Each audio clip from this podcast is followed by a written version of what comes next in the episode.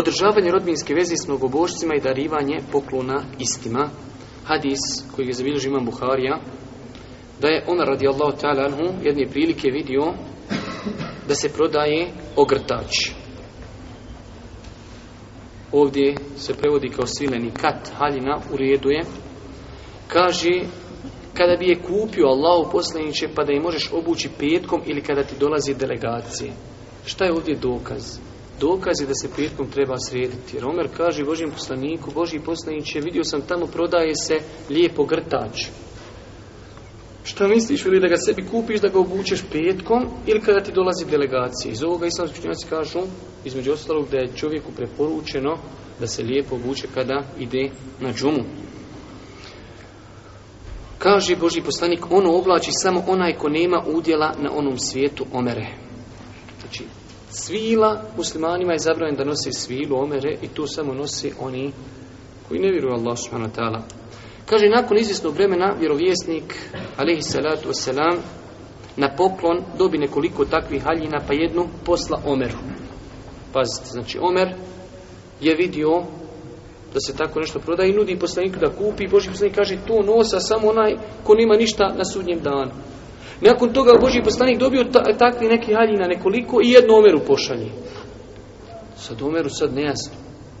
Kažeš da to nose oni koji nemaju nikakvog udjela na hiru, sad si meni poslao. Nejasno mu bilo. Pa kaže, poslao si meni, a čuo sam šta si kazao o tome. Zbunjen upita Omer, nisam ti je, kaže, poslao da je nosiš, već da je prodaš ili da pokloniš. Musliman nije dozvoljeno da nosi zlato, ali ne smije da ako imaš zlato, nesuš u zlataru i prodaš zlato, ili dadneš ženi. Isto tako, musliman ne može nositi svilu, ali to ne znači ako imaš svilu da i ne možeš prodati. Jer nije to nešto što je zabranjeno svima. Čovjek, ako ima raki, ostalo mu od dede, ako je dedo bio neki nedo Allah alkoholičar, i on kaže, se to ne bi prolilo, pa mi to iskoristiti, prodat ćemo tamo, pa nek se neko drugi našne uka. Nama je to haram. Ne može. Zato što nema niko kome je to dozvoljeno. Ali svila ima vrsta insana kojima je to dozvoljeno. A to su žene. Pa je Boži poslanik kaže, omere, nisam ti ja dao da to nosiš. Oći prodali, okoristi se. A možeš dadni nekomi. Pa je, kaže, Omer poklonio to svom rođenom bratu, odnosno, ovdje ima rođeno onaj bratu, po majci, sam da vidim na arapskom šta reče, li ehin lehu, ovdje kaže, min ummihi, ovdje piše rođenom bratu, a gore piše na arapskom, njegovom bratu po majci, je poklonio koji bio u Mekke, još je bio mušnik, još nije bio primio islam.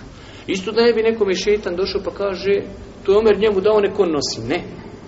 I mušriku, nije dozvoljeno da to nosi. On to može nositi, ali će biti na sudnjem danu griješan. Već i njemu on to dao, pa evo, dadi svojoj ženi.